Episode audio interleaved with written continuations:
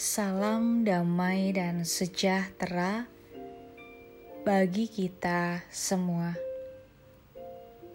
Saudara yang terkasih, hari ini kita akan bersama-sama merenungkan firman Tuhan yang diambil dari Amsal 9 ayat 1 sampai 6.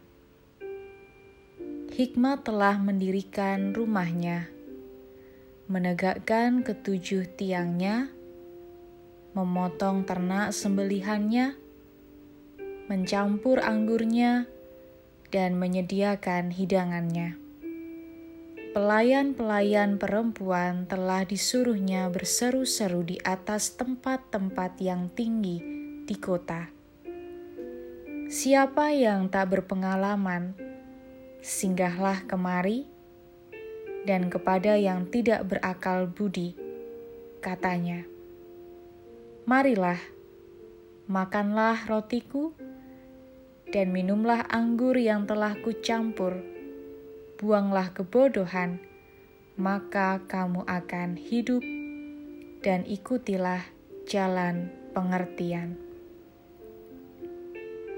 Mau jadi orang bodoh Hidup adalah sebuah pilihan. Sepanjang kehidupan kita, tak henti-hentinya harus memilih. Memilih cara hidup, cara berpikir, cara bersikap, cara bertindak, dan lain sebagainya. Namun, pada intinya ada dua pilihan utama menurut penulis Amsal yaitu berupaya menjadi orang yang berhikmat atau membiarkan diri menjadi orang bebal. Penulis Amsal mengandaikan hikmat seperti seorang yang sedang mendirikan rumahnya dan menegakkan ketujuh tiangnya. Biasanya empat tiang di setiap sudut dan tiga tiang di setiap tengah ketiga sisi sehingga meninggalkan satu sisi untuk pintu masuk utama. Rupanya ia sedang menyiapkan sebuah pesta penyambutan.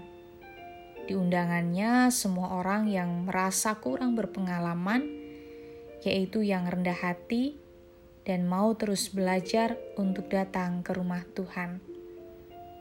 Tak kalah menarik untuk memahami betapa respon orang terhadap tawaran hikmat bisa berbeda. Si pencemooh tak menyukai bahkan menolak didikan dan teguran. Tetapi orang yang bijak akan dengan senang hati belajar dari berbagai nasihat, bahkan kritik yang pedas sekalipun. Sebagai puncaknya, Penulis Amsal ingin mengingatkan kita semua bahwa hikmat ilahi untuk membedakan dengan hikmat dunia hanya bisa kita mulai peroleh apabila kita memiliki sikap hati yang takut akan Tuhan.